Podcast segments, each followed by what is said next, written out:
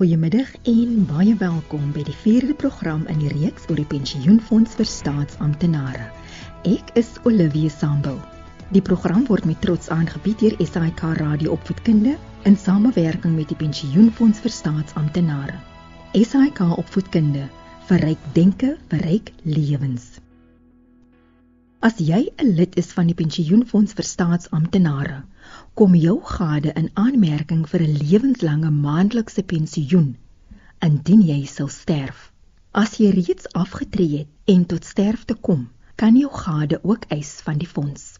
Nou as jy aftree, dan maak jy al reeds voorsiening van watter persentasie jou oorblywende gade moet kry van jou maandelikse pensioen. 50 of 75%. As my maandelikse pensioen R10000 is en ek het by aftrede gekies my gade moet 75% kry, gaan my man R7500 kry. Of as ek die normale standaard opsie gevat het van 50%, gaan my man R5000 kry.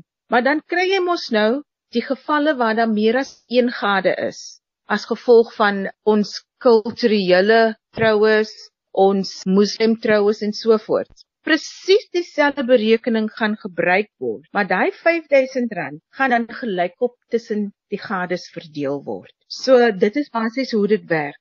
Vasgestelde berekeninge weer eens. Maar ons kan mos nou nie as my man vyf vrouens het, vir hulle elkeen 'n pensioen van 50% gee nie. So die geld word dan gelykop verdeel onder die gades wat die lid gehad het soos 'n datum van dood dis wat die reëls van die fonds sê gelykop verdeel. Kyk, ek moet ook byvoeg dat die gade pensioen is 'n nie bydraende voordeel. So met ander woorde, die lid het nie daarvoor bygedra nie. Dit kom uit die fonds se sakke uit, die maandelikse pensioen wat ons betaal aan die gade. So gesels Omelia Hatzenberg, 'n kliëntedienskonsultant by die Agentskap vir Regeringspensioenadministrasie. Verskillende huwelike word in Suid-Afrika erken Maar om te kwalifiseer vir die gade voordeel, moet daar bewyse wees dat die lid wel getroud was met die persoon wat die eis inhandig. Die reël van die fonds praat as daar oorblywende gade is, soos 'n datum van dood. Nou ons is mos maar 'n baie diverse land. Jy het seker nog nie so 'n vorm gesien nie, maar op die aansoekvorm dan vra hulle, "Hoe was jy getroud? Was jy siviel getroud? Was jy kultureel getroud? Was jy religiously getroud? Want kyk as jy sê civil, ons is gekoppel aan die departement van Home Affairs. Ons kan gaan kyk is jy getroud met hierdie persoon. Nou sodra dit kom by die cultural marriages, dan het ons Lebola briewe nodig. Ons het affidavits nodig. En weet jy wat ons agtergekom het nê, dat die mense het nie die Lebola briewe nie. So nou sit ons met 'n tamaletjie En die ooms en die tannies of die, die groot manne van die die familie het al afgesterf wat die onderhandelinge gedoen het in opsigte van die Lebola. Want onthou as jy Lebola manier getrou het en dit nie by Homefees gaan aangee het nie, dan is daar geen ander rekord dat jy wel getroud was met die persoon. Dit is waar die affidavit inkom. Dan soek hulle twee affidavits van al kante van die familie af, van die lid sowel as die gade om te sê dat hulle wel getroud was op 'n labole manier op daai datum ek was daarso gewees vyf skape 500 000 rand of wat ook al die geval met hulle gesertifiseerde afskrifte van hulle ID dokumente moet ingehandig word. As 'n bewys dat hierdie mense wel getroud was. En jy kan jou indink hierdie tipe van goed sal eers dan na ons regsafdeling toe ook moet gaan want dit kan nie verliefs net geneem word dat dit wel die situasie is nie Ons het nodige dokumentasie nodig soos voorgeskryf deur die reëls van die fonds in orde om 'n betaling te doen. Partykeer is dit so so moeilik om eise afgehandel te kry want ons kry net nie eenvoudig die samewerking van die familie nie. Wetgewing maak ook voorsiening vir paartjies wat saamwoon maar nooit getrou het nie. Die lid moet egter terwyl hy of sy nog lewe, die nodige vorms invul sodat die lewensmaat in aanmerking kan kom vir die pensioen. As jy 'n lewensmaat het, kan so 'n persoon ook kwalifiseer vir 'n gade pensioen, maar jy kan nie getroud wees en 'n lewensmaat hê nie. Dit moet nou onbeskop wees, né? Jy moet een van die twee maak op jou mind. Indien daar 'n lewensmaat is, nê, dan berus die onus op die lid wil hy nog lewe om te sê, maar ek het 'n lewensmaat. So indien iets oorkom met die met my lid, dan weet ons daar's 'n lewensmaat na wie ons moet omsien. En 'n gade pensioen gee, maar die lede doen dit nie.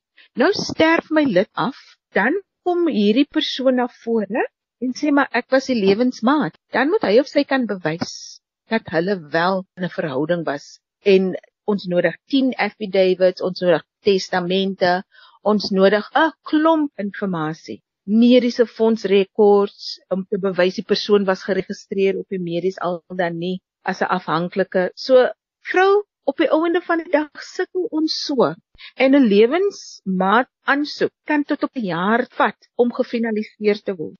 Dis ook baie algemeen dat lede 'n lewensmaat het maar nooit geskei is van hulle gade nie. Wie kan dan in so 'n geval aanspraak maak op die gade pensioen? Nommer 1 vir enige doodseis. Gaan kyk ons is daar 'n nominasievorm? Ja of nee? Want dis in die lid se hande om te besluit wie 'n enkel bedrag kan kry al dan nie. Die reëls van die fonds beslis wie 'n maandelikse gade pensioen gaan kry. En dit is baie eenvoudig. Dit sê the surviving spouse. En wie is die surviving spouse? Die persoon met wat my lid getroud is op Homefees se rekords.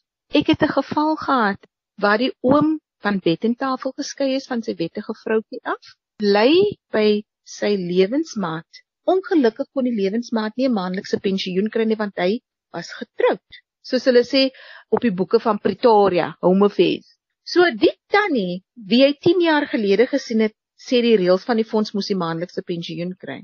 Gelukkig vir die lewensmaat het hy 'n nominasievorm voltooi wie sy doodsvoordeel moet kry. So die gade het 'n maandelikse pensioen gekry en die lewensmaat het 'n enkel bedrag gekry. Maar weet jy, elke eis verskil van 'n ander want die omstandighede is anders. Die gade pensioen is 'n lewenslange pensioen. Die toelaag stop nie as jy weer trou nie. Die pensioen gaan aan asof niks gebeur het nie want die reëls van die fonds sê dit is 'n lewenslange pensioen. So indien jou eis goedgekeur was, kry jy 'n gade pensioen totdat jy jou oogies toemaak eendag. Dit was Omelia Hatzenberg van die Agentskap vir die Regeringspensioenadministrasie in die Wes-Kaap. Vir meer inligting kan jy na enige van die instapdienssentrums toe gaan of een van die satellietkantore besoek. Jy kan ook die pensioenfonds vir staatsamptenare skakel op die tolvrye nommer 0800 117 669. Oproepe na die nommer is gratis vanaf enige Telkom-lyn. Jy kan ook 'n e-pos stuur na inquiries@gepf.co.za of besoek die webtuiste by www.gepf.co.za. Dan kan jy ook kommentaar lewer op Twitter. 'n Goeie sekuriteitstelsel is 'n belegging wat jy maak om 'n mate van gemoedsrus te hê in terme van jou veiligheid. Maar jy wil ook daarmee 'n kat in die sak koop of onnodig geld uitgee om jou eiendom te beveilig nie. En vandag gesels ek met Veronica Prinsloo, 'n kundige by UCT Tech Security in Gesina, Pretoria, oor sekuriteitstelsels. So ons maatskappy bestaan al vanaf 2015. Ons hooftak is in Springs. Ons het so 2 jaar terug besluit om uit te brei Pretoria toe omdat dit wel is waar ons van afkomstig is. Toe ons die besigheid oorgekoop het, was hy al reeds bestaande, maar hulle het meer in wagte gespesialiseer as wat hulle in die stelsel self het. Ons spesialiseer meerendeels in um CCTV, maar ons doen ook al die bykomstighede wat daarmee saamgaan. So enige kabels, kameras, TV brackets, enigiets wat in daai rigting in te doen het met spesifiek CCTV. Daar is vyf belangrike punte wat jy in ag moet neem as jy besluit om te belê in 'n CCTV-stelsel. So jou eerste punt is om te kyk na die kwaliteit van jou kamera. So jy kry twee verskillende is eintlik meer as die twee, maar ons spesialiseer meerendeels net in die eerste twee. Jy kry jou 720 pixels en dan jou 1080 pixels. So jou 1080 se kwaliteit is baie sterker as wat jou 720 is, maar meerendeels kyk jy na jou kwaliteit want jy wil kan sien wat aangaan. Jy wil nie 'n donker kolletjie op die skerm sien wat iewers rondhardloop. So jy gaan definitief kyk na jou kwaliteit en dan jou tweede ding waarna jy gaan kyk is jou nagvisie. Natuurlik baie mense meerendeels koop hulle stelsels aan vir die rede dat hulle nie in die nag wanneer hulle iets buite hoor hoef op te staan en uit te gaan en binne in die gevaar in vasloop nie. So jou stelsel is daar en jou nagvisie is belangrik sodat wanneer jy geluid hoor buite, dat jy kan op jou kameras gaan kyk en sien, okay, luister, die ou is hierson in die erf of hy loop na die huise deur toe of hy's besig om te probeer om 'n huise deur oop te breek of by 'n venster in te kom. So jy moet kan sien wat binne in die aande aangaan wanneer jy self nie jouself in gevaar gaan stel om buitentoe uit te gaan nie. So jou derde punt wanneer jy basies gaan kyk, gaan jou prys wees. As jy jou goedkoopstelsels na gaan kyk en jy kom by 'n ou en hy sê vir jou luister, R200 vir jou stelsel, dan gaan jy definitief weet jou stelsel is nie van kwaliteit nie. Nie dat ek sê goedkoop stelsels is swak kwaliteit nie, maar soos wat hulle altyd sê goedkoop koop is duur koop. So jou vierde punt waarna jy ook gaan kyk is basies jou waarborg op jou stelsel.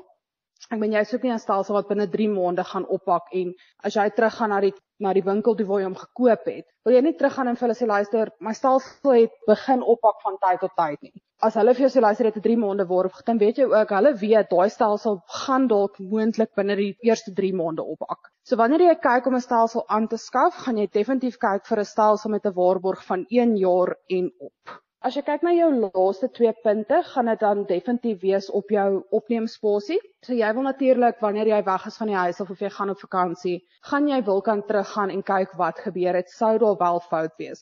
Natuurlik wanneer jy nou weet iets het gebeur, gaan kyk jy gewoonlik tussen die eerste 2 dae, weet jy daar was fout, so jy kan teruggaan om te gaan kyk daarna. Maar wanneer jy weg is van die huis af en jy kom oor 2, 3 weke eers terug, wil jy weet dat wanneer jy terugkom dat daai 3 weke se spasie opgeneem is om te kyk wanneer iets gebeur het. Jy wil nie terugkom by die huis en jou stelsel het 'n dag nadat jy teruggekom het, het hy opgehou rekord nie. Dan speel die kleur van die kameras ook 'n rol. Baie kliënte verkies om swart kameras aan te koop vir die rede dat jy hom nie in die nag kan sien nie. Ons oor die algemeen doen net wit kameraatjies maar baie kliënte besluit dan om naderhand die kameras met 'n blikkie uh spraypaint net swart te verf net sodat hy vir die wis en die onwis nie te veel uitstaan vir iemand om hom te kan sien daar waar hy is nie. Die hoogte van die kameras moet ook in ag geneem word. Jy kan baie keer sien en oplet daarop dat jy kan sien baie van die kliënte se kameras is opgesit daar waar jy fisies kan gaan en die kamera afbreek. So jy wil nie jou kamera op so lae punt hê dat wanneer iemand kom om in te breek dat hy wel jou kameras kan afbreek dat jy geen sig buite in jou huis het nie. So wanneer jy jou kamera wel opsit, gaan jy seker maak hy's hoog genoeg dat hulle hom nie kan afbreek nie, maar ook laag genoeg dat jou beeld nog sterk genoeg is om te kan sien wat aangaan. Wat is 'n realistiese prys om te betaal vir 'n sekuriteitstelsel? Wanneer jy kyk na jou kostes op 'n stelsel, gaan jy natuurlik kyk na die handelsmerk op jou stelsel. Baie stelsels kom nie met 'n handelsmerk nie, wat jy weet ook meerendeels nie 'n goeie kwaliteitstelsel is nie. So wanneer jy begin navorsing doen, dan moet jy weet spesifiek waarvoor jy kyk. So as jy kyk en jy sien luister hierdie stelsel het nie 'n naam op nie en hy, jy kan hom invoer van oorsee af of jy kan na 'n vloeimark toe gaan en hom gaan koop. Meerendeels die stelsels wat nie handelsmerkname is nie, pak binne die eerste 3-6 maande op.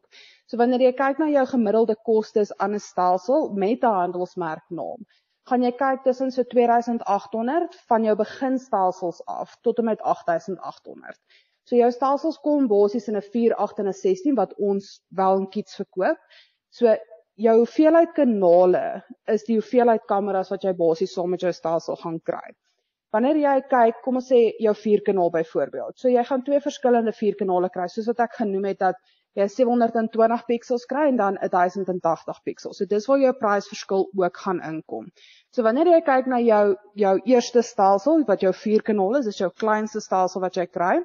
Hulle begin op 2800. So 2800 bedoelende jou standaard 720 pixels 4 kanaal stelsel met al sy bykomstighede wat jy gaan nodig hê om hom te installeer. So wanneer jy begin kyk na 'n 10080 pixel stelsel, gaan jy begin opgaan en jy gaan kyk na so 3800. So hulle verskil gewoonlik tussen 600 en 1000 rand van mekaar af. So wanneer jy kyk na jou vier kanale tussen jou twee uh pixels, gaan jy kyk tussen 2800 en as jy kyk dan vir jou 10080 pixel, gaan hy basies R1000 opgaan. En so gaan hy ook werk met jou 8 kanaalstelsels en so ook met jou 16 kanaalstelsels. En hoe identifiseer jy die geskikte persoon om jou stelsel te installeer? Kyk, ongelukkig is daar nie 'n goeie manier om hulle uit te ken of nie. Byvoorbeeld baie van ons installeerders wat ons gebruik, kyk na die hoeveelheid kameras wat jy opsit. So hulle gee vir jou 'n prys per kameraatjie wat hulle opsit per punt wat hulle deurtrek. So wanneer jy iemand kry om te kom installeer, moet jy kyk na hoeveel hulle jou vra per kamera. Hoe meer hulle jou vra per kamera, hoe meer sluit hulle daarbey in. Baie van die installeerders hou daarvan om junction boksies te gebruik. So die boksies is basies om op te sit agter jou kameraatjie waar in jou kameraatjie se kabeltjies gaan.